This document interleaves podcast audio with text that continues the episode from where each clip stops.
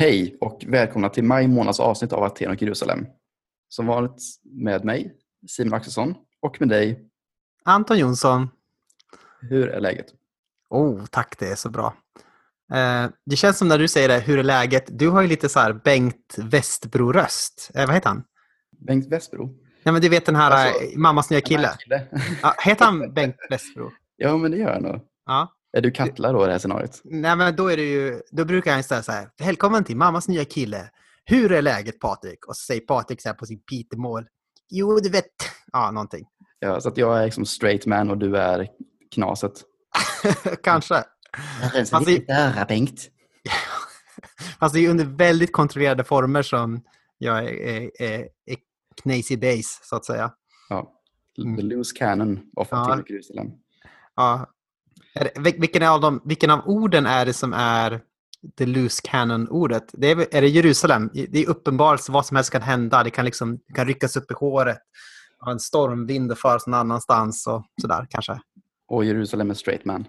Nej, Aten är väl straight man. Sa jag Aten? Ja, Okej, jag tänker Jerusalem borde väl vara, är, är väl kanske Loose loose cannon. cannon. Ja.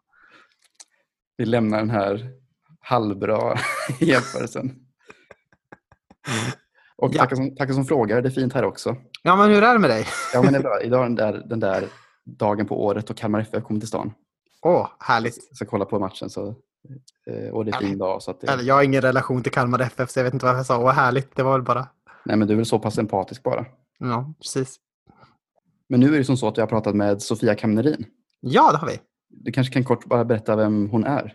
Okej, jag ger er eh, huvudpunkterna. Mm. Hon är biträdande kyrkoledare i Equmeniakyrkan. Hon är teoldoktor och eh, hon är, har varit ganska intresserad i sin forskning om eh, feministteologi eh, och försoning.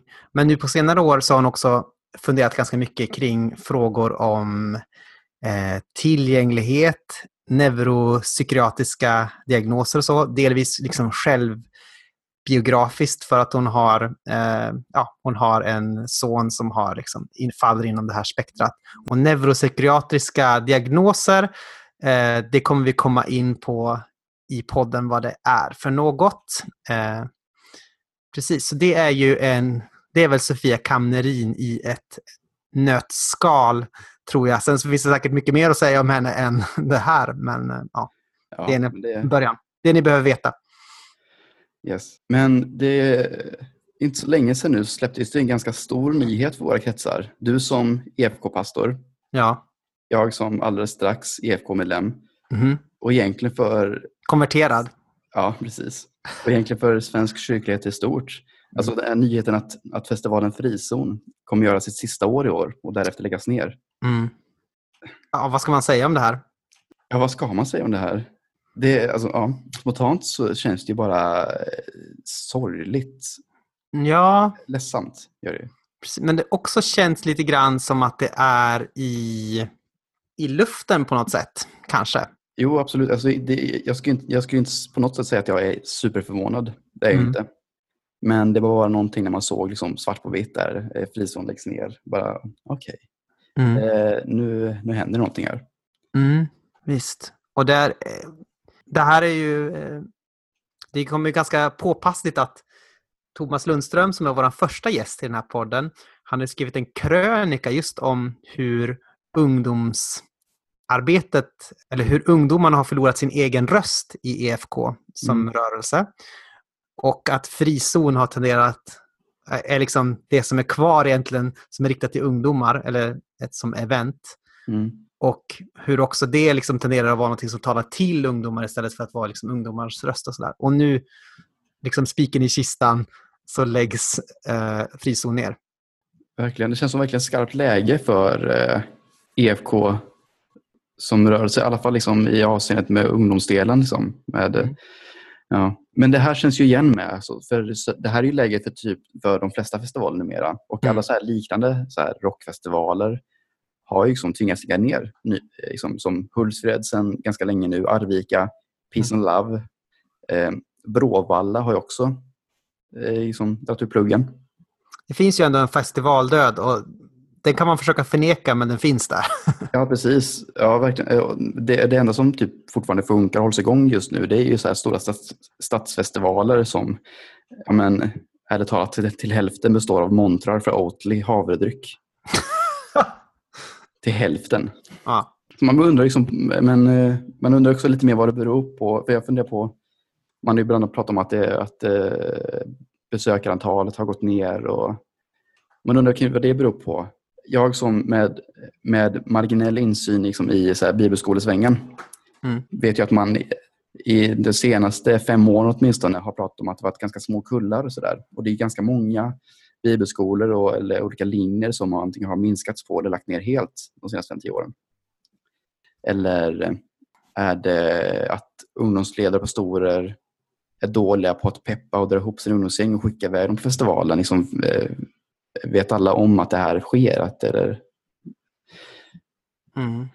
Delvis har det väl att göra med att det inte finns då en stark central ungdomsorganisation som, tal, som ungdomarna talar igenom. Så här.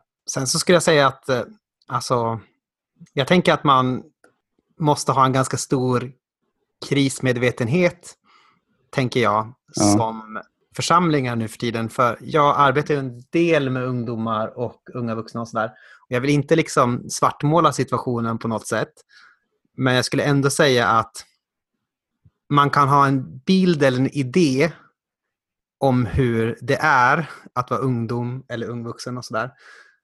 Som baseras liksom på ens egna erfarenheter mm, som pastorer och sådär. Som kanske inte alls stämmer med verkligheten längre. nej. En, en sak som, om jag får bara säga en lite kort sak, så här, det här är egentligen din, din punkt. Jag tror till exempel att det inte finns en kristen subkultur, eller det finns ingen kristen kultur längre. Det tänker jag är en, en väldigt viktig grej. Det finns inte, det finns liksom inte, man är inte marinerad, det finns inget så här kristet, det finns, inget, det finns inte kristna, kristen musik på det sättet.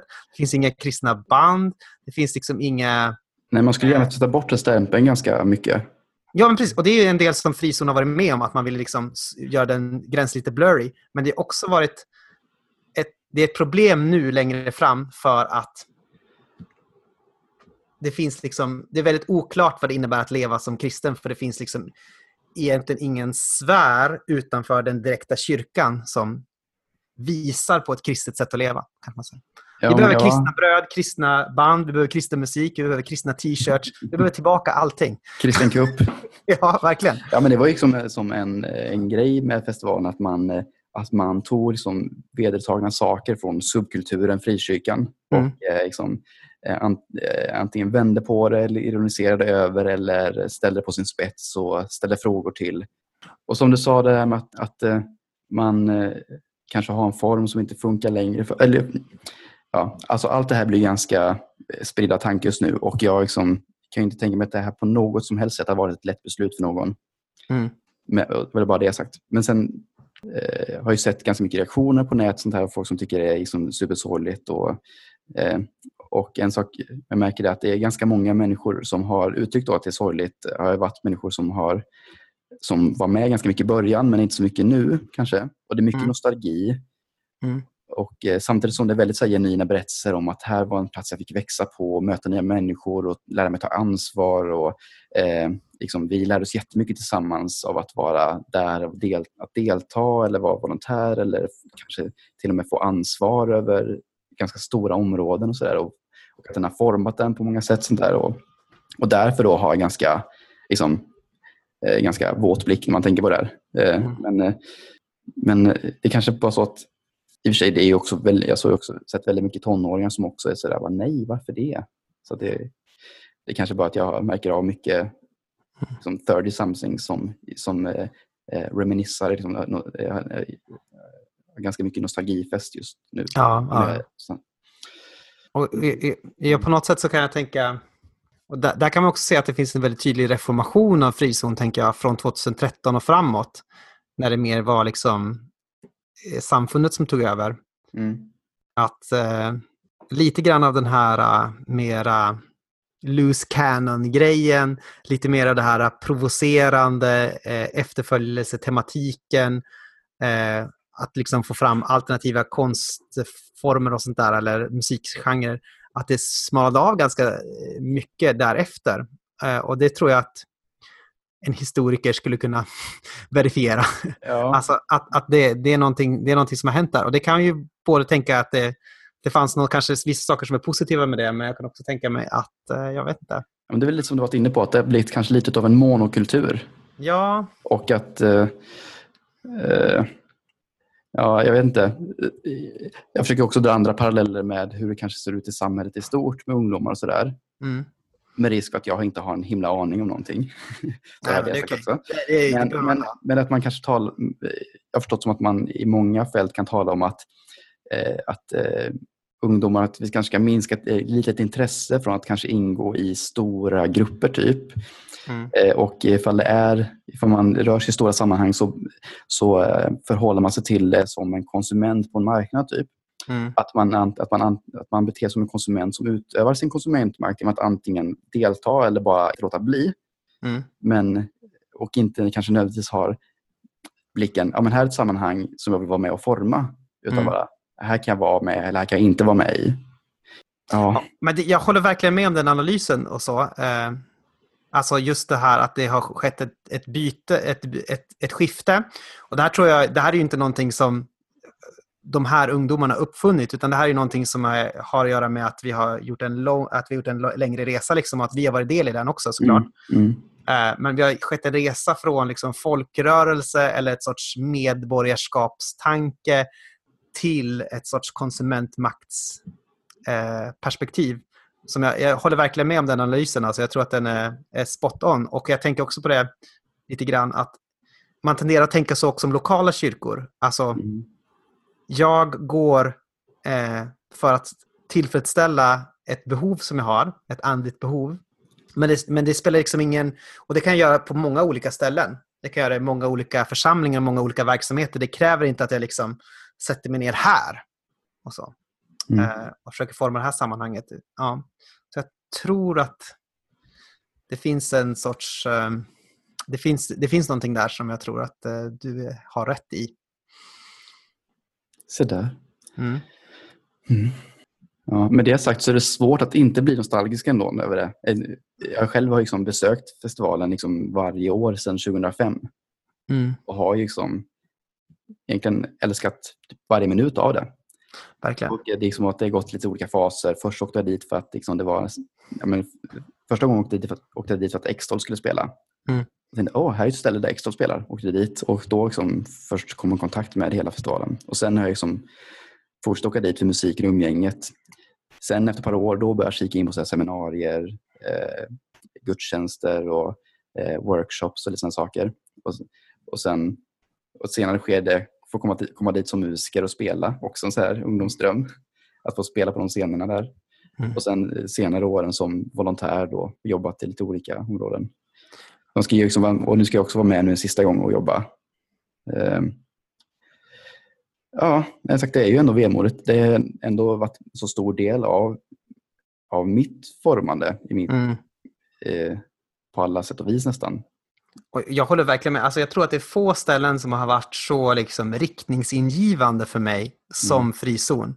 Och nästan bara, alltså det fanns såklart det finns säkert saker som var mindre bra, men nästan bara på ett positivt sätt det jag kan komma på. Liksom och sådär. Alltså, verkligen en, en, en viktig miljö där jag växte upp. Och ett, ett sorts, ett väldigt så här, väckte ett väldigt ett teologiskt intresse skulle jag också säga hos mig. Alltså, eh. Ja, verkligen. Samma här. Mm. Jo, men, ja. Teologin, kyrkan, musiken, möta nya perspektiv. Gud. Vara med, ja, vara med och skapa någonting. Ja. Mm. Ja, ja. Vi är nog väldigt många som känner väldigt starkt för det här. Mm. Och ja, som avslut kan jag bara säga att jag, jag ber och jag hoppas att EFK och mm. egentligen frikyrkligheten i allmänhet ska liksom hitta en ny väg framåt nu då, eh, till ett annat sätt där unga får möta Gud, och får möta varandra och fortsätta växa och skapa någonting tillsammans. Får jag säga någonting där? Eh, jag, jag, tänker att ett problem här som vi måste ändå se i vitögat, det är att göra med att vi har ett väldigt starkt minskat intresse för samfunden. Alltså mm. om man kollar liksom rent ekonomiskt på rapporten som man får på kongressen i EFK så vi, är det ganska tydligt att det finns ett, eh, Alltså det, det är underskott nästan på varje post. Så här. Det finns ett, ett, ett tydligt liksom, minskat intresse av liksom, den här stora, eh, stora organismen, den här stora rörelsen. Och, så där. och det tänker jag att det är någonting som vi som är många som hör till liksom den här simple church-generationen, att vi behöver tänka igenom liksom, hur ska vi ställa oss till de här uh, samfunden, alltså, som är på något sätt vi också. Eh, finns det något värde i de här? Eh, finns det något värde i det här? Eh, finns det något värde i att vi har en gemensam festival? Mm. Stora frågor. Mm. Jag förstår att nu laddar man liksom för att göra en stark avslutning och sen börjar liksom allt det här arbetet med att fundera. Men du, eh, Simon, eh, det här innebär ju att eh, vi skulle kunna starta en festival som heter Frizon nästa sommar. oh. Känns smutsigt. Mäckigt. ja, det, ja, det är med. Men bara... Måste inte ta över namnet heller. This is Freezone. Som Hultsfredsfestivalens eh, mindre lyckade revival. Just det. Ja, nej. Men nu, över till någonting helt annat. Yes, nu vidare till vårt sam samtal med Sofia Kamnerin. Håll till godo. Precis. Oh, eh. ja? Nej, precis. Det kan vi ta sen. Kör. Okej, vi tar det sen.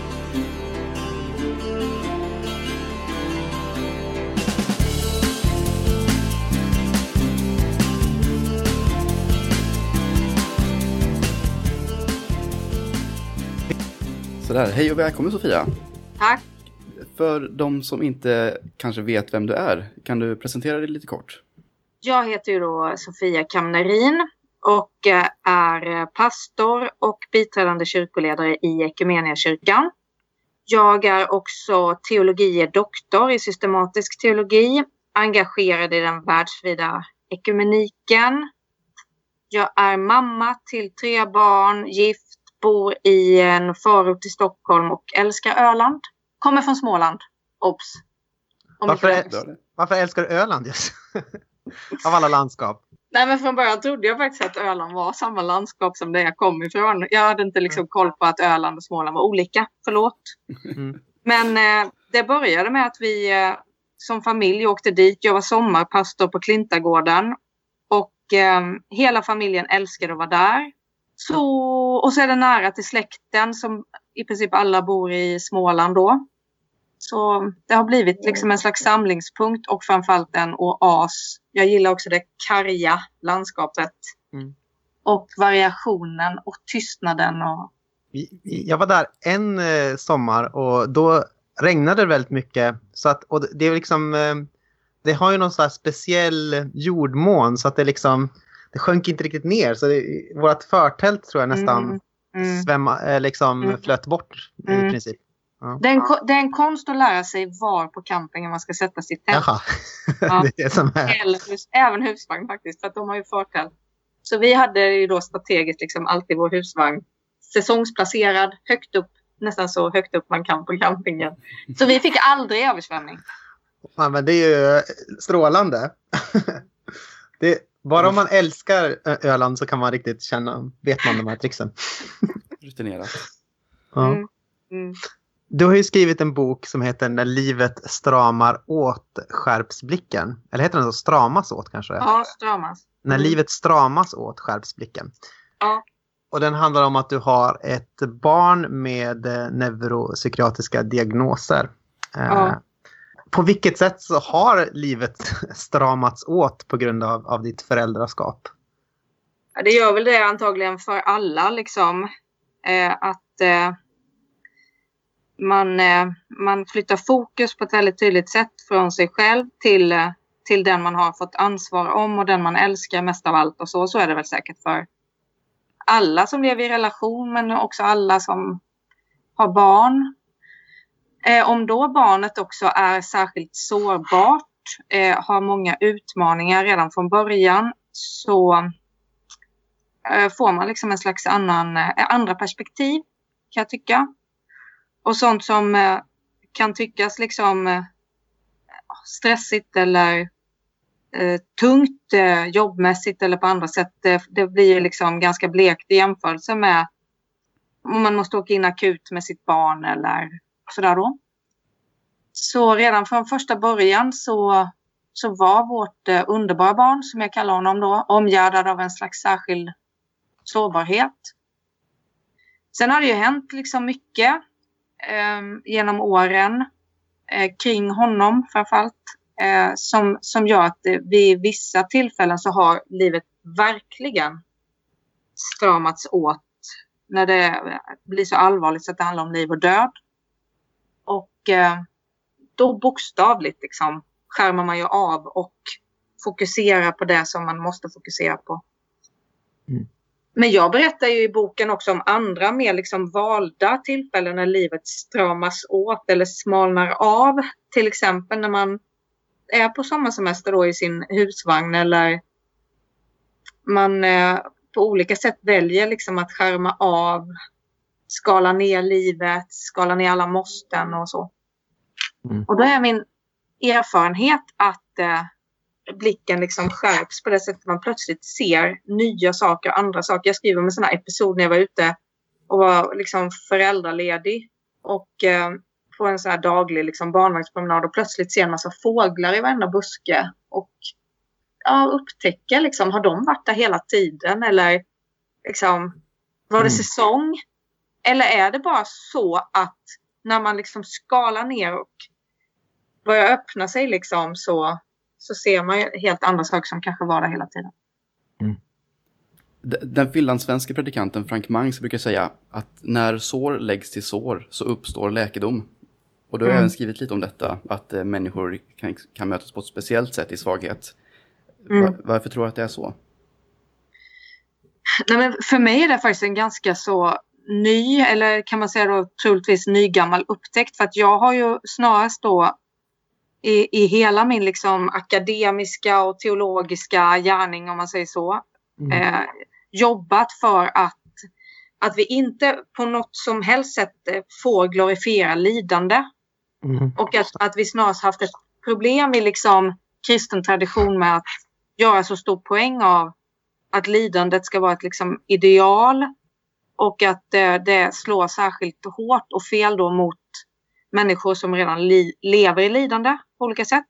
Att vi då kan lägga på ett slags ytterligare eh, legitimitet eller någonting på det och säga liksom att ja, men som Jesus led så förväntas du lida och vi ska bära vårt kors och sådär. Men det som har varit så starkt och omvälvande för mig nu de sista åren det är att, att när, vi, när vi släpper garden och verkligen vågar visa vår, vår sårbarhet så, så uppstår en kraft liksom. Och eh, möte, som att mötet blir möjligt först när vi börjar eh, luckra upp våra liksom, gränser, vilket vi gör per definition i sårbarhet. Att vi liksom, öppnar upp oss då mot andra. Ja, det har, det har varit ju många tillfällen då efter att jag skrev den här boken, framförallt när jag varit ute och föreläst, eh, samtalen efteråt framförallt då, men också i, i andra sammanhang mer så här öga mot öga och så när, när människor då uttrycker liksom delat lidande, delad kamp och den, ja, den kärlek och intensitet eller man ska säga närvaro som uppstår då. Och jag har ett annat exempel. Nej, jag skrev, den har jag nog kanske inte skrivit i den här boken. Jag kommer inte riktigt ihåg vilken bok jag skrivit om det här.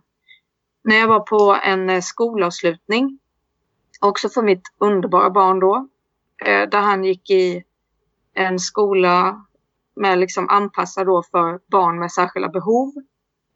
Och när vi satt där liksom en timme och väntade på att den där skolavslutningen skulle börja så, så var det också en sån sällsam eh, närvaro. När alla föräldrar sitter där och väntar på den här skolavslutningen, fika lite och alla är så uppenbart liksom prövade kan man ju säga. Eh, har levt, eh, varit med om väldigt, väldigt mycket och alla unga då, barnen, ungdomarna har ju många av dem varit med om så mycket mer än vad många av oss andra upplever under en hel livstid. Liksom, av, säkert liksom gått på andra skolor tidigare, kanske har varit mobbade, har kämpat med hur mycket som helst. Så den där, när, när alla vi liksom sitter där och ingen vi, ing, alla vet att ingen kommer att bli den bästa. Det skapas en superspeciell stämning som är förtätad. Och då blir ju liksom allt det där med Paulus ord att, eh, att kraften uppstår i svaghet och även den här gamla fornkyrkliga tanken om eh, compunctio, ett fint ord. Eh, att det finns en slags smärtsam eh, överton i skönheten. Mm att, att, att det också hör ihop det här med liksom smärta och skönhet eller lidande och kärlek. Utan att jag därmed vill liksom fortsätta. Jag vill inte glorifiera det. Mm. Absolut inte. Jag vill se det som ett faktum men jag vill också förstå mer av varför det är så. Ja, lång utläggning. Men, men tänker du att eh, um, tänker du att det på något sätt har satt ditt, det du tidigare skrivit i ett nytt ljus på något sätt? Alltså den här upptäckten på något sätt av att det, det är här det är förtätat, det är här man möts på något sätt i svagheten. Ja, ja men det, ut, det utmanar mig ju. Mm. Det gör det. Jag, jag, tror att jag, att jag egentligen hela tiden har, har haft ett särskilt fokus på frågor om lidandet och Jesu närvaro i Guds, Guds i Jesu närvaro i lidandet. Och eh, tror egentligen att jag kom in på överhuvudtaget frågor liksom om att fortsätta då och, och forska och fördjupa mig i teologin utifrån liksom en nöd med ett fromt ord eller en smärta kring hur det kan vara så att det finns så mycket lidande. Den här klassiska frågan när vi samtidigt tror att Gud är allsmäktig och god och hela den. Mm. Så lidandet har för mig hela tiden varit en slags lins, tror jag. Och korset då vad det är i det. Men jag har liksom inte jag har kommit till en punkt där jag måste djupare och förstå mer varför det, det finns en kraft i det. Liksom. Mm. Så att ja, delvis nytt ljus kanske då. Mm. Spännande. Mm. Vi får se vad det leder då. Mm. Är det så tror du att, att Gud är särskilt närvarande i svaghet eller är det just det här att blicken skärps så att man kan uppfatta Gud bättre i sådana situationer? Oh, vilken kvalificerad fråga. ja, bra fråga. Jag har inget enkelt svar. Samtidigt så kan det vara så att eh, Gud är som allra mest närvarande där det verkligen behövs. Mm. Samtidigt som jag ju tror att Gud är allnärvarande. Att det inte finns någon plats där Gud inte är. Men eh, det, det, är ju på något sätt som att det blir förtätat och vad det betyder, alltså vad, vad, orden då betyder med, med de minsta och vad ni har gjort mot mina minsta som Jesus återkommer till. Så kanske det är både och då. Men det finns eh, säkert mer att upptäcka där också. Mm. Om det handlar om att vi då i den här, liksom som sagt då, eh, mer större öppenheten när vi, när vi vågar liksom släppa garden. Jag tycker att det är ett bra, liksom ändå bra uttryck för vad det är. Liksom att vi, vi sänker våra försvar på något sätt då och upptäcker Guds närvaro. Eller om det är så att Gud också är särskilt närvarande då. Dock är det också viktigt att påpeka att när, när man är mitt i värsta, värsta krisen, kaos, när man eh, måste ringa 112 och man blir inlåst på barnpsykiatrin så är det ju liksom inte där i det akuta läget man går i någon slags sällsam fromhet och gläds över Guds mm. närvaro. Liksom. Utan då är det ju väldigt mycket fokus på att försöka hålla ihop och överleva och vara ett skydd för sitt barn och allt vad man nu eh, tänker på då liksom. Men eh, i efterhand så, så, så, tycker jag mig i alla fall se en, en väldigt stor liksom, omsorg och tröst, barmhärtighet. Älskar de där gamla orden, på att återupptäcka dem. Mm. Mm. Ja, det tror jag definitivt. Jag, jag skriver i, i, i min andra bok som heter Försoning behövs, som man också fortfarande kan köpa faktiskt, eller låna på bibliotek. Där beskriver jag en annan, en annan liksom händelse när ett, ett av våra andra barn blev livshotande sjuk. Det visade sig sen att hon hade en, en brusten blindtarm och hon var bara typ 22 månader eller någonting och vägde liksom 9-10 kilo. Något sånt där. Det var väldigt dramatiskt det också. Och ett antal kritiska dygn som också då var så speciella för att de där dygnen eh, till exempel så, beskri så skriver jag att att jag liksom såg att orkidéerna plötsligt hade börjat blomma. Det kan låta som en jätte liksom, ytlig sak, men alla våra liksom, pin, pinniga orkidéer, Den, liksom det där, ett av de dygnen där när jag kom hem på, eh, vad heter det, man får liksom lite dispens, man får åka hem från sjukhuset och då hade alla börjat blomma. Min man sa, sa till mig, liksom ett av de där mest kritiska dygnen, eh, jag såg två stjärnfall jag har mm. aldrig någonsin sett något tidigare. Det var som att vi liksom fick små hälsningar liksom om det kommer att bli bra. Liksom. Så det mm. tycker jag också är fascinerande. Ja. Mm. Men jag är ju väldigt from av mig liksom också, så jag väljer ju att tolka liksom saker och ting så också. Men jag, men jag kan tänka, eller i svagheten blir kraften som störst som Paulus säger och sådär. Alltså, jag vet inte riktigt vad det är, men det är väl någonting med att det är väl som nattvarden alltså, när, när man får ta emot den så på något sätt så påminns man om att Gud är närvarande överallt, kanske. Jag vet inte, det är kanske när det är när det är som mest korsformat så kanske man påminns om att Gud är som mest är närvarande alltid. Jag vet inte, men det spekulerar jag lite här. Mm. Mm. Nej, men och det är ju också då att du tar emot liksom. Mm. Tror jag också det är någonting med att du ju inte gör någonting annat när du går fram till nattvarden än att sträcka fram dina händer och någon annan ger dig bröd och vin. Det, det tror jag också är någonting med det att, att vi liksom bara tar emot. Mm. Det kan vara någonting i det med. Sen tycker jag ju att det är en stark, stark bild i att vi bryter brödet. Mm. Och det skriver jag ju lite om i den där texten tror jag som du också har läst på med sårbar mm. kyrka. Mm. Precis. Mm. Om vi då tänker oss samhället i stort, skulle du säga att, att det eh, råder ett förakt för svaghet? Ja, det gör det ju. Det gör det ju. Och det har nog att göra med det här eh, att vi eh, premierar liksom eh, framgång. Eh, det finns ett slags eh, lyckoideal som ju i och för sig många, många har pratat om. Det här med liksom hälso, lyckoidealen fram, en slags framgångsideologi. Att du också kan välja lycka, alla sådana där mm. budskap. Mm. Samtidigt som det finns en slags motreaktion mot det också nu. Nu kommer det ju lite mer, mer mot det med typ att eh, Eh, våga vara olycklig. Eller liksom, det kommer ju sådana böcker också nu typ då, på den mer liksom sekulära marknaden. Men det har ju varit ett väldigt sånt tryck. Och också hela hela kunskapssynen i, i vårt samhälle där det blir väldigt fokuserat liksom på kognitiv kunskap. Och att du ska lyckas, du måste få bra betyg.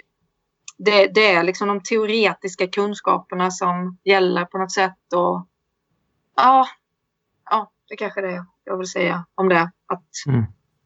att vi å ena sidan ju pratar så mycket om att vi vi, vi vill verkligen liksom ett, ett individualistiskt samhälle som ju egentligen då borde betyda att alla får vara som de är. Alltså Sverige är mm. det mest individualistiska landet i världen i alla sådana här undersökningar och sånt. Och mest sekulära och allt vad vi är.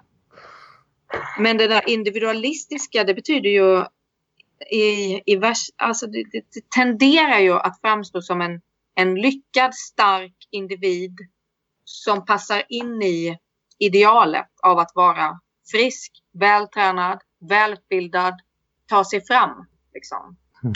Och så säger vi ju samtidigt att vi, alltså det, det, när man jämför med liksom många andra länder så är det klart att vi eh, jobbar mycket mer medvetet på att kompensera liksom, eh, människors eh, olika behov och strävar efter liksom, att, att vara inklusiva och eh, prata mycket om tillgänglighetsfrågor och sånt. Men eh, det finns en, en värdegrund som inte riktigt matchar den ändå. Vi, vi får i alla fall definitivt hela tiden vakta den värdegrunden. Det där med mm. alla människors värdighet, alla människors lika värde och så.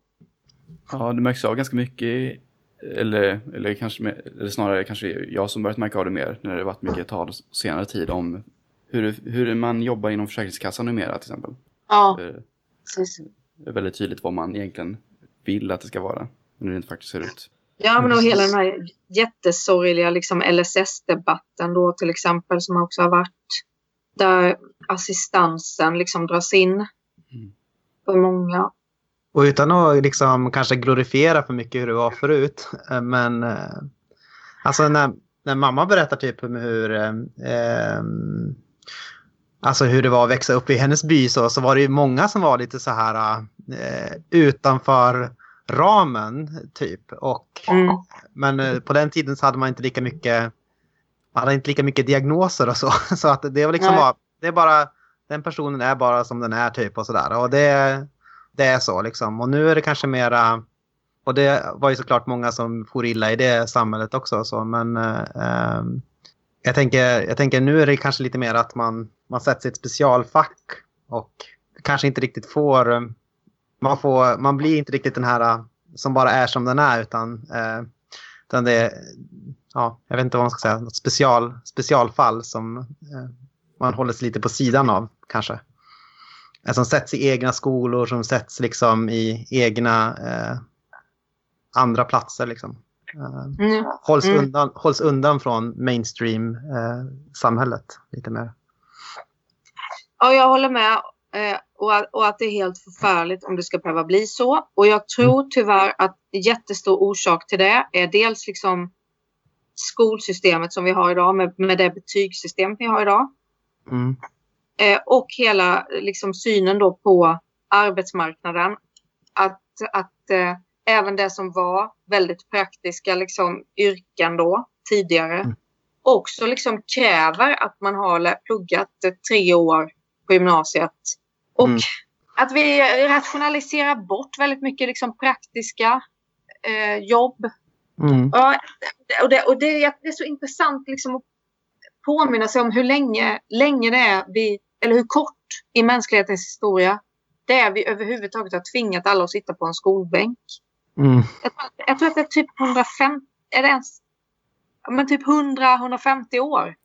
Och alla 10 000 år innan eller 300 000 eller vad det nu är som människorna har funnits. Så har det liksom inte sett ut så. Så jag skulle också önska mycket, mycket större liksom variation i hur vi tänker utbildning och vad, hur vi tänker kring intelligenser. För det vill jag ju också då liksom poängtera att mitt underbara barn och många andra underbara barn som jag träffar eh, är ju högintelligenta. Mm. Fastän inte kanske exakt på samma sätt som majoriteten är. Och har ju liksom gåvor och förmågor som är spets, spets, spets. Som mm. också då kanske inte tas tillvara när det handlar om så mycket att man ska kunna vara då eh, social, man ska ha social kompetens, man ska kunna vara snabb i kommunikation, samspel. Stresstålig. Stresstålig. Mm. Kunna se hela bilden. Eh, tänka långsiktigt. Eh, orsak-verkan. Dra egna slutsatser. Resonera självständigt. Alla de här liksom kriterierna som finns också på betyg. Att du ska kunna stå och föreläsa för folk. Att mm. du ska, all, alla de här. Och allt är så liksom inriktat på tanke, kunskap, hjärna, liksom på det. det, det jag har glömt bort vem det som sa det här, men det, ja, det finns någon sägning som, som går ungefär. Om man dömer en fisk efter dess förmåga att klättra ett träd kommer den alltid känna sig dum i huvudet. Precis. Tack.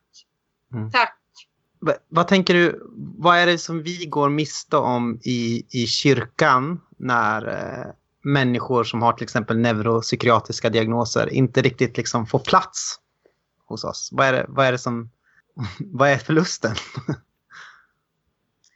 Eh, att vi inte är Kristi kropp och, och eh, kyrkan är kallad att vara Kristi kropp. Och i Kristi kropp så finns liksom alla de här variationerna, funktionsvariationerna.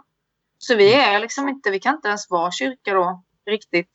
Om vi inte visar att eh, eh, kyrkan eller församlingen är hela den här bredden och mångfalden. det är liksom ett slags eh, svar. Ett annat svar är ju att vi, att vi förlorar till exempel eh, människor som är helt närvarande i nuet. Mm. Som, eh, som har förmåga att stå kvar i mötet med liksom all brustenhet eller all förtvivlan. Ja, jag har liksom... Det, det, kan, det kan i efterhand ses som en slags... Eh, ja, också en slags ledning att jag under min uppväxt då när, när man sommarjobbade och sådär jobbade på elevhem med utvecklingsstörda barn var det då. Och eh, barn med olika typer av diagnoser. Och eh, senare också på olika sätt liksom hade, kan jag, kan jag tycka, liksom, kanske min, min starkaste liksom, vänskap med personer med typ ADHD. Och jag har så minnen av hur, hur, hur, hur de mina vänner som hade typ ADHD eh, i till exempel eh, ja, verkligen när livet strömmades åt det, det, det liksom finns ju sådana moment när jag liksom då även tidigare var ledsen eller orolig eller så. Och de här personerna som var mina vänner då, det, det var de som allra tydligast liksom bara förstod så här intuitivt vad man måste göra i det här läget. Helt utan liksom, på tal om försvar, helt öppna, helt raka. Bara är och ger liksom närvaro eller håller om. Ja, och det där är en sån här typisk gåva jag har fått många gånger utav barn, unga och vuxna med NPF-diagnoser. Att de, liksom, de bara tar det. De har liksom inga behov av att försöka dämpa eller ens kanske trösta på det där liksom så ja, så ja, utan mer bara är det som är. Mm. Så det är en sak vi missar. Personer som liksom i sitt vara kan härbärgera det som är. För att det är på något sätt som att om man lever väldigt mycket här och nu, tänker konkret, då är det här och nu som gäller och då är man närvarande i det. Sen får, missar man också en slags eh, rak och intensiv och ärlig ärlighet, kärlek också. Rak kärlek. Man, man missar eh, eh, gåvan att få vara med, vara med personer som säger som det är utan att göra sig till hela samhället och kyrkan förmåga förlo för, förlorar personer som är superbra på att eh, se detaljer. Inte missa någonting. Som kan vara totalt hängivna, ge allt i det som de brinner för. Som är uthålliga. Eh, som är fokuserade. Då i vårt multitasking liksom, samhälle så finns det personer som har en förmåga att stänga av och ge allt hela vägen in i kaklet. Sånt förlorar vi. Mm. Får ta några exempel. Mm, intressant. Men det är liksom så att vi kan inte gestalta Kristus utan de här människorna. Skulle man kunna sammanfatta det så? Också? Ja. Mm. Amen. Har vi sagt ens, kommer ni att säga vad NPF? Eh, nej, det kanske vi ska säga. Men som jag fattade det så är det väl eh, typ ADHD, Asperger, alltså det spektrat eh, med... Ja. ja precis. Mm. Inte sjukdomar utan tillstånd, eller vad ska man säga? Ja, absolut inte eh, sjukdomar, utan variationer. Ja. Ett, ett annat sätt egentligen att lite annat sätt att fungera, att tolka eh, världen. Att det, det, är jätteintressant till exempel att eh, jag, jag jag är inte, absolut ingen expert, men vi har ju som förälder så får man ju gå på massa olika utbildningar och så får man lära sig lite olika saker och så. Och det finns ju massa liksom neuropsykiatriska liksom, studier som visar att, att hjärnans belöningssystem till exempel funkar på ett annat sätt. Och att man mm. använder kanske lite andra delar av hjärnan och så. Eh, när man har den här typen av diagnoser. Det är inget fel utan det är ett annat sätt. Men jag har till exempel hört då att det i vissa jägarsamhällen, alltså mer som fortfarande lever som typ jägarsamhällen i mm. världen. Man, om man studerar hjärnorna hos de personerna så är det kanske uppemot 20 procent som har typ ADHD-diagnoser. Mm. Vilket också säger någonting jätteintressant liksom genetiskt om vilka förmågor då som behövs i vissa samhällen och i vissa tider. Men medan vi ju då i Sverige har bestämt oss för att eh, om, man, om man ska välja mellan liksom jägare och bönder så är det bönder som behövs. Alltså personer som liksom kan stanna kvar och eh, organisera och planera och tänka ut när saker ska sås och skördas. Och, och, och inte så mycket jägare som måste vara på sin vakt hela tiden, vara modiga, höra alla ljud, se allt sånt där liksom. Som är typiskt då liksom ADHD-kompetenser. Men jag, jag, kan också kanske tänka att eh, det är en helgonkompetens kanske att det kunna vara fokuserad på en sak. Alltså för eh, eh, Sören Kierkegaard har ju den här boken eh, eh Hjärtats renhet är att vilja en enda sak. Alltså, det, det, det, det är på något sätt som är om man tittar på helgonen så är det att man ofta är fokuserad på en enda punkt. Liksom så. Så, alltså, ja, att det kanske är en sån, eh, det kanske är en kompetens som behövs för att höja, eh, höja extrem helighet i kyrkan kanske. Ja, ja, sant. Fint. Men hur kan, eh, hur kan kyrkan göras mer tillgänglig för personer som till exempel din son? Mm. Bra fråga det finns en, en jättebra utbildning nu som Ekumenia, vår ungdomsorganisation, har tagit fram ihop med bilder som heter Alla barn är lika olika. Den vill jag gärna liksom göra reklam för i alla sammanhang. För där är det väldigt så konkret vad man kan tänka på. Men det är, min erfarenhet är att det viktigaste är att eh, församlingen eh, älskar mångfald och att, att människor i församlingen har varma hjärtan och öppna ögon. Och eh, acceptera, acceptans är väldigt viktigt. Att acceptera att alla är olika och för en del barn är det en ren plåga, bokstavligt, att till exempel sitta på ett kyrkkaffe eller ännu värre på typ ett samkväm. Ni vet så här trevligt liksom. Mm. Man ska sitta still och fint och en annan plåga kan vara sånt som vi liksom tycker är eh, liksom festligt att vi skriver i programmet på scout eller sådär. Överraskning. Mm. Eller att vi har en överraskning på lägret eller hajken. Sånt är en ren plåga. För man, om man har den här typen av diagnoser så vill man veta vad som händer. Man vill veta när det börjar och när det slutar och ungefär vad som händer. Man behöver tydlighet och struktur. Och eh, man behöver... Eh, alltså vi är ju bra på att tala om när någonting börjar. Ofta gudstjänsten börjar klockan 11. Men vi ser nästan aldrig när den slutar. En sån sak skulle vara en väldigt enkel grej. En annan grej är att eh, liksom skriva upp, märka upp vad saker och ting är. Här är liksom toaletterna, här är kyrkfikat, här är gudstjänst. Att vi har lite mer så här skyltar för saker och ting. En annan sak är att vi behöver jobba med vårt språk. Och vi kanske inte använder så mycket ord jämt utan också andra uttryck. Långa predikningar Eh, tråkigt för många kanske men ännu tråkigare för den som har liksom svårt att uppfatta för mycket information i muntlig form. Skulle vara hjälpt snarast av kanske en kort sammanfattning på papper.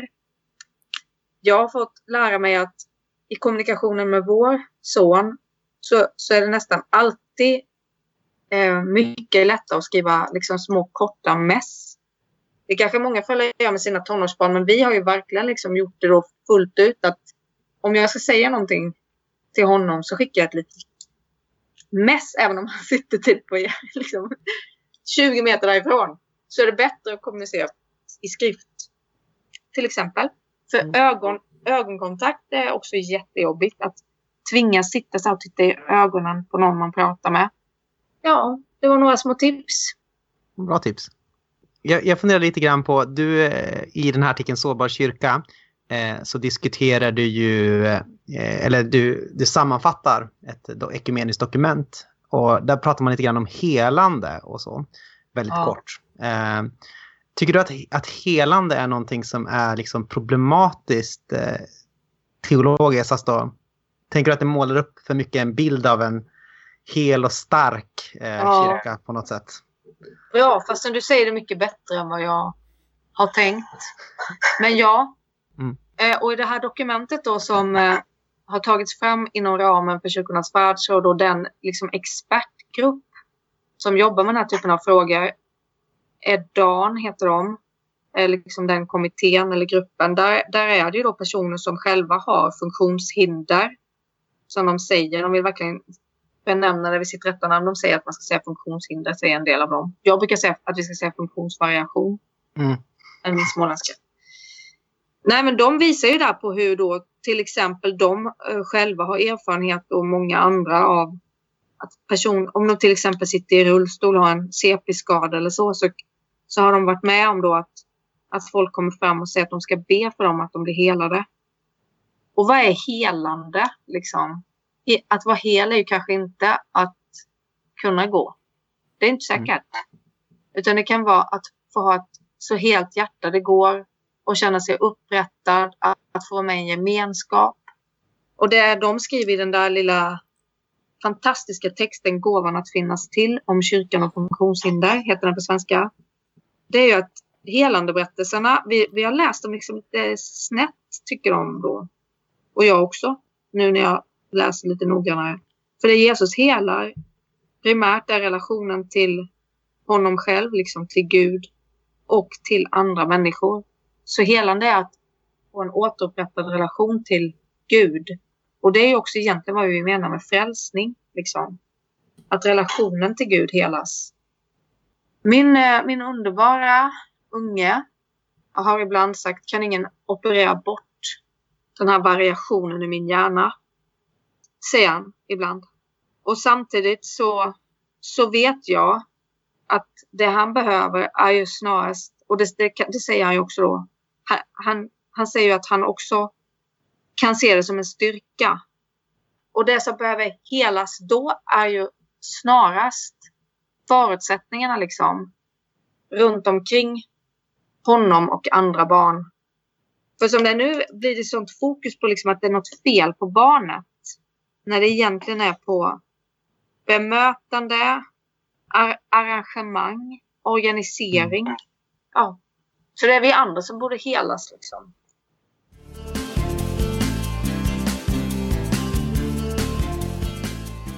Du är ju biträdande kyrkoledare för Ekumeniakyrkan. Och jag funderar lite grann, mitt intryck är eh, som mer eller mindre utomstående att det är en kyrka som, eh, den är ju dels väldigt ny, men den förhandlar ganska mycket med, med sitt arv. Alltså en sorts förhandling mellan ett så frikyrkliga synen på kyrkan som överlåtna lärjungar kanske och en mer öppen folkkyrkoeklesiologi där man liksom finns till för um, samhället på ett annat sätt kanske. Eh, skulle du säga att det, att det stämmer? Är det en sån förhandling som man gör mycket i Equmeniakyrkan? Och i så fall, var liksom befinner ni er i processen då? Eh, jag tycker att det var en jättebra sammanfattning. Liksom. Eh, men, men jag håller inte med om att, att det skulle vara nytt. För jag tror att alla våra bildarsamfund, eller jag, jag vet att alla mm. våra bildarsamfund då, metodister, baptister och missionsförbundare kyrkliga. Mm. Alla levde i den här spänningen mellan den liksom personligt tillägnade tron, att det var viktigt med lärjungaskap, personlig efterföljelse, bemyndigandet, jättetydligt det här starka liksom framförallt eh, som jag känner till då i Missionsförbundet, liksom att alla ska kunna få läsa Bibeln själv under andens ledning, väldigt bemyndigande. I baptistsamfundet, alla ska få vara med på församlingsmöten, alla ska ha rätt att rösta. I metodistkyrkan den personligt tillägnade tron och eh, det självklara samhällsengagemanget. Jag, jag, jag brukar säga att Equmeniakyrkan har sin liksom tydligaste identitet i det, både och. Ett, att, att betona liksom den personliga tron, bemyndigandet och det självklara samhällsengagemanget. Så att jag, jag, tror, jag håller helt med om att vi lever i den spänningen. Och att, att det är vår utmaning att liksom kunna hålla ihop de två. Men jag tror egentligen inte att det är nytt. För jag tror mm. att det har funnits liksom i de här, det var liksom demokrati, folkrörelseengagemang redan från början. Men eh, att, det, men att det är en spänning som kvarstår. Är det kanske därför också man var attraherade av varandra på ett särskilt sätt? Och för att man har liksom väldigt gamla rötter, tänker jag, tillsammans. Men är det liksom det att man alla levde i den här spänningen som gjorde att man kände att det här är en bra match? Made in heaven. ja, och, och eh, Ola Alkholm, min kollega som liksom vet allt, han eh, säger att det redan liksom då, jag tror att det var 1903, det, det, hörs det, det, det hölls det första mötet mellan dessa tre, alltså otroligt tidigt. Redan då mm. liksom diskuterar man, ska vi gå ihop? Mm. Och man enades ju om vissa saker tidigt då. Till exempel, eller ja, förhållandevis tidigt, du ska försöka komma på, men liksom pastorsutbildning började vi liksom göra, göra ihop ganska tidigt. Vi hade ett studieförbund ihop då som hette Frikyrkliga studieförbundet innan det sen hette Bilda. Tidningen eh, Svensk veckotidning som sen blev sändaren hade vi ihop de metodist, nej, baptister och missionskyrkliga. Så det har funnits liksom olika typer av närmanden. Och framförallt då lokalt att församlingen gick ihop. Mm. Men, eh, ett brett eh, samhällsengagemang är ju någonting som kännetecknar Ekumeniakyrkan. Eh, tänker du att det finns en risk med det här också? Alltså, kan det bli så att man har svårt att ta ut en kritisk distans till världen, alltså världen i teologisk mening då? Eh, alltså att man mer tenderar att kyrka och värld på något sätt smälter samman? Eller är det en väldigt liten risk? Nej, men det är en stor risk om man inte har den här liksom teologiska kärnan och vet varför.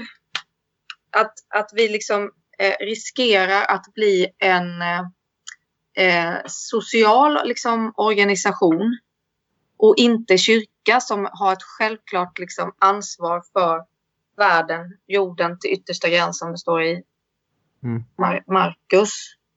Så vi måste kunna motivera liksom, teologiskt varför vi gör det vi gör. Nu på vår kyrkokonferens som precis har avslutat så har, har, det då, har vi behandlat till exempel ja, vi har behandlat motion, 11 motioner om allt ifrån att vi måste jobba för att påverka vår regering till att förbjuda kärnvapen, till klimatomställning, till hur vi ska få med unga vuxna in i våra församlingar, till så här, mer rent interna frågor. Och då är liksom, då till exempel så fattade vi faktiskt beslut om att vi ska jobba för att vår regering förbjuder kärnvapen för att evangeliet tvingar oss till det. Mm det fanns liksom en sån debatt då att nej men det kan inte vi göra för att då tar vi liksom politiska, påverkar vi politiska saker och omöjliggör liksom att vi går med i NATO. Det blir för liksom fel. Det, så, så, så, sådana kan inte vi vara som kyrka. Jo, men det vi kan som kyrka det är att säga att vi på stark teologisk grund, icke-våld, Jesus vårt föredöme och hela liksom profettraditionen med att göra om svärd till plogbillar och hela den. Det, då kan vi säga med stor emfas att vi tror att kärnvapen måste förbjudas. Mm. Men vi måste säga det liksom som kristna. Så spännande så här, för sådana här frågor har jag väldigt svårt att se att man skulle ta upp på EFKs kongress. till jag, jag tänkte på det också. ja, precis. Det skulle, det skulle vara uppfriskande tycker jag. jag Men det kanske in, kommer. Jag lämnar in en motion nästa år. Ja, gör det. Eller näst, 2020. Eh,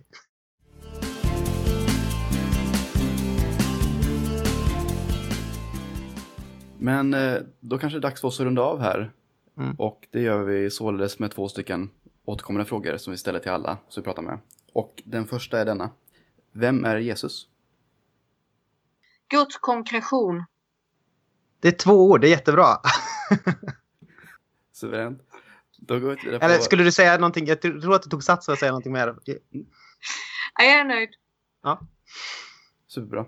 Eh, och vem tycker du att vi borde prata med härnäst i podden? Nu tar ni en liten paus, eller? För jag måste tänka lite. Ja, ja det blir jättebra. Lite Anna Adin, Anna Adin till exempel. Anna Adin? Ja. Eh, vill ni prata med kristna människor eller? Vi kan prata med okristna, eller icke-kristna också. Jag har provat.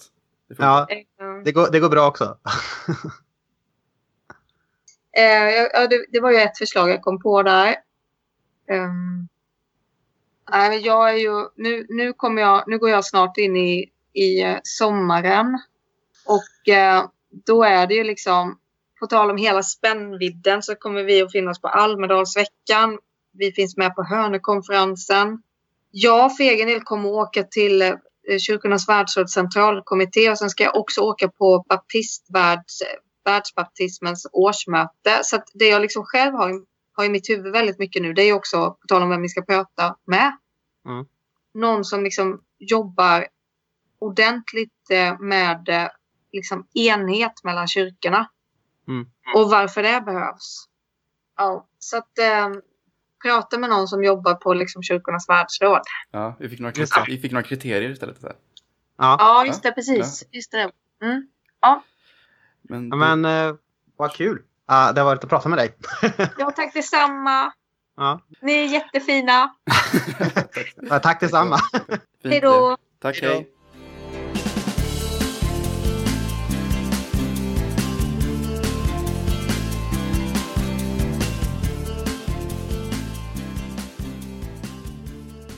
Så där då. Välkomna tillbaka till vårt eftersnack efter vårt samtal med Sofia Kammerin. Välkommen tillbaka. Tror du att någon någonsin skippar de här grejerna? Stänger av typ efter först, den, den förra gingen? Det kan väl hända. Tänk ifall Alltså- inte inte prata för någon just nu. Men det kan ju vara... Jag tror att eh, när vi gjorde en enkät för något, några år sedan så var det många som sa att de uppskattade särskilt eftersnacket. Att det var den bästa delen. typ. Just Så det är alltid någon som lyssnar. Eller så är det ett perfekt överlapp med de som gillar eftersnacket och de som är duktiga på, på att fylla i enkäter. Mm, det kan det vara. Eh, Men det är alltid det är någon som lyssnar i alla fall, tänker jag på de här eftersnacken. Men eh, Hej på dig. hej, och, men jag kan tänka mig att man kanske skippar för, försnacket ibland. Det kan nog hända. Mm. Jag skippar aldrig någonting. Jag skippar inte ens reklam när jag lyssnar på, liksom, på poddar. Det är så? Ja, nej, men eh, det gör jag inte. Jag Nej. lyssnar, eh, varje gång så hör jag om den här Jusek, när jag lyssnar på Lilla Drevet, Juseks, eh, och så bara, blir man mer och mer så bara, men det här med Jusek, det kanske är någonting ändå. Liksom. Jo, men den lyssnar också på varje gång. Inkomstförsäkrar upp till 80 procent upp till 80 000 kronor. Det är otroligt. Jag tjänar inte så mycket pengar. Och grejen är att de har ju som bäst koll när det kommer till just akademikeryrken med. Så det är det. Ja. Ja, men du precis. ser dem, den reklamen sitter. Nej, men för de brukar ju ha sin, kan ju ofta skämta om den. Så det, Mm. Det vill man inte missa. Annars slänger jag mig fort på spora-knappen. Ja, just det. Men nu var det inte det vi skulle prata om. Nej. Utan eh, vi ska ju prata om det som har liksom, stått ut särskilt i det här samtalet. Och jag kan ju börja med en, eller jag har ett par one-liners man Mm. säger, som jag tyckte var särskilt bra. Och det är detta att egentligen är det vi som behöver helas. När jag var inne på att prata om detta med eh, hur vi kan anpassa oss för människor som är annorlunda än vi. Kanske du och jag. Mhm. Det ligger väl mycket i det att det finns någon sorts behov av, av ett helande, tänker jag, av blicken. Alltså om hur vi ser på tillvaron. Och där kan jag tänka återigen på just det här med, som Mikael Hellenius brukar prata om ibland, liksom, att, eh, att kunna ha den andliga eh, klarsynen. Och med ett annat språk så kanske man skulle kunna beskriva det som men just som att få sin blick helad genom korset. När man ser Jesus på korset så, så ser man vad verklig seger och härlighet är och då kanske man får en annan blick på världen och sina fellow människor. Mm. Jag vill inte säga medmänniskor för jag gillar inte det ordet. Det gör inte det? Jag vet inte, det känns bara så platt ofta när man säger medmänniskor. Jo, ja. Det är väl det som är risken med bra ord, att man sliter ut dem. Mm. Ett annat, ett annat eh, eh, kanske slitet eller, eller förvanskat ord i sammanhanget är ju kanske just det med helande. Mm, precis. Det är ju jättespännande med, med helande. Ja, eller som hon är inne här på, liksom, vad är helande eller vem är det som behöver bli helad? Eh, Mm. och vad innebär helande? Jag vet inte. Jag tänker närmare på sådana här mindre lyckade stories om kanske folk som i all välmening går fram till någon som vet inte, låt säga, sitter i en rullstol och bara antar vad det är den här människan har på sitt Mm. hjärta eller vill be för och bara går fram, lägger händerna på och ber att den ska få, att den ska få resa upp från sin rullstol. Mm. Ehm, och det är ju väldigt intressant tänker jag. Alltså, jag tänker så här att Sofia hon känner sig ju lite ändå skeptisk tänker jag mot hela den här eh, kring helande berättelserna i, i, i evangelierna. I alla fall att det är liksom teologiskt problematiskt och sådär. och då inte utifrån en sån här... Det hon inte säger är ju att det skulle vara problematiskt för att Gud kan inte, skulle inte kunna göra sådana saker eller det går emot naturens ordning, utan just för att det finns ett sånt sorts så här... Att alla måste vara på ett visst sätt kanske. Men det jag mm. tänker är intressant med, med helande berättelserna i evangelierna är ju att det väldigt ofta är så att Jesus eh, går fram till någon och frågar vad är det du vill att jag ska göra? Liksom. Initiativet på något sätt kommer ju från den som vill bli hel. Det är den som får sätta ord på vad det är som, vad det är som um, felas eller fattas eller vad det är som ska hända. Så. Och Det är intressant kan jag tänka, nu, nu, nu tänker jag bara lite spontant, att i, på Jesu tid så kanske det skulle vara väldigt svårt att det kanske skulle vara väldigt svårt att liksom förändra, eh, förändra institutioner och eh, liksom samhället på ett sånt sätt att, den, att det är mer handikappanpassat eller mer anpassat för vissa sorters personer. Men eh, nu eh, är det kanske mer rimligt på ett sätt att vi helas också från hur vi ser på andra människor och så där, vi har de eh, möjligheterna. Så sen kan man ju också återigen säga liksom att det här är ett, i ett MPF-sammanhang vi pratar om det här alltså. Och då är det ju liksom inte... Då är det ju några som har kanske haft en väldigt tydlig funktion också i andra samhällsformer och sådär, men som nu vi har bestämt för att de är liksom överflödiga. De passar inte in i liksom betygssamhället eller i... Ja, det finns liksom ingen, ingen giltig roll när man ska vara produktiv och långtidsplanerande och sådär. Mm. Mm. Och där, eh, det vore ett övergrepp på något sätt att hela en människosort, alltså typ down syndrom eh, eller vad det skulle kunna vara, det är ju en annan. Liksom. Men att, att, att liksom hela en sån människosort, det vore ju på något sätt att förändra en person i grunden. Det vore inte liksom att lägga till någonting så att den blir eh, friskare, utan det vore på något sätt att göra om en människa helt. Typ ta bort mm. en hudfärg på någon eller något sånt där vore det lite grann som. Så att det är det också konstigt att prata om helande i sådana sammanhang, tänker jag. Jo, verkligen. Mm. Jag har på senare tid, kanske år, stött på ett ord. Eh, har du hört talas om ableism? Ja, jag har sett det några gånger. Ja. Alltså, att able, alltså en ism utifrån att vara able, utifrån att vara, vad ska man säga? Ja, nej men det betecknar väl ett perspektiv, ett, ett, eh, ett perspektiv där den, eh, där om vi så, om det var klantigt uttryckt då, pratar om den friske som en förtryckare då, eller som, som mm. vill eh, som bara ser till eller formar sitt samhälle eller bygger, bygger sin byggnad utifrån en människa som är eh, ja, i någon mening helt fungerande och frisk. Då, som, mm. Och därmed gör liksom vissa domäner otillgängliga för, mm. för människor som är annorlunda. Att det är en slags ableism. Mm. Precis. Det ligger nog en hel del i det, tänker jag. Uh. Ja, om inte, åtminstone är det mycket saker som synliggörs när man, eh, när man kommer från det hållet. att Okej, okay, hur, okay, visserligen funkar det här för mig, men Mm. Det... Samtidigt är det väldigt svårt liksom, att göra Samtidigt är det väldigt svårt att göra sådana avvägningar, tänker jag. Eh, alltså från ett så samhällsplaneringsperspektiv. Liksom, eh, ska vi göra saker som...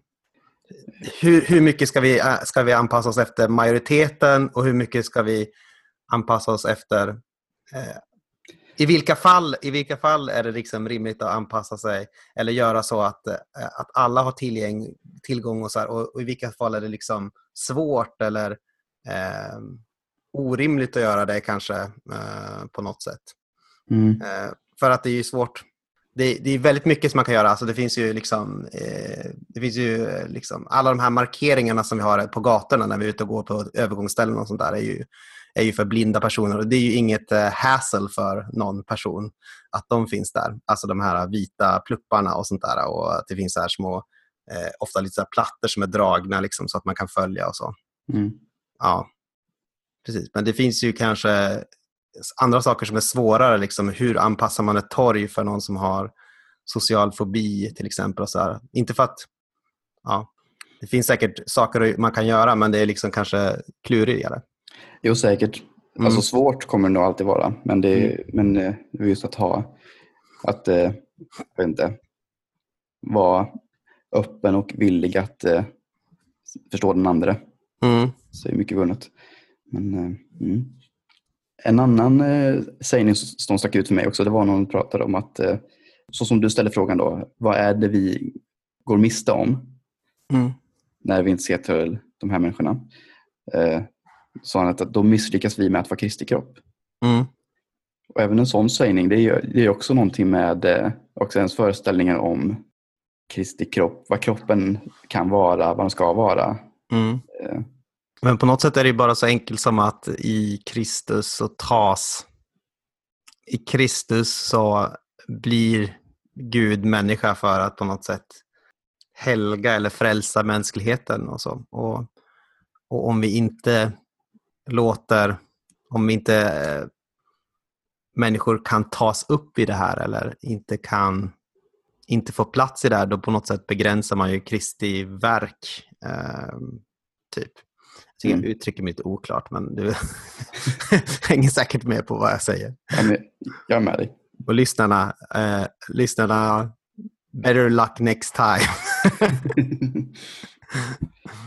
Mm. Jag måste säga att jag tyckte det här var väldigt, eh, väldigt kul avsnitt överhuvudtaget. Mm, precis. Fräschör. Mycket så. Så ja, jag hoppas vi kanske får andel, anledning att höras av igen. Mm. Men eh, ska vi säga att det är bra så för den här gången? Det är bra så för den här gången och eh, kom ihåg att ni kan göra saker för att hjälpa oss.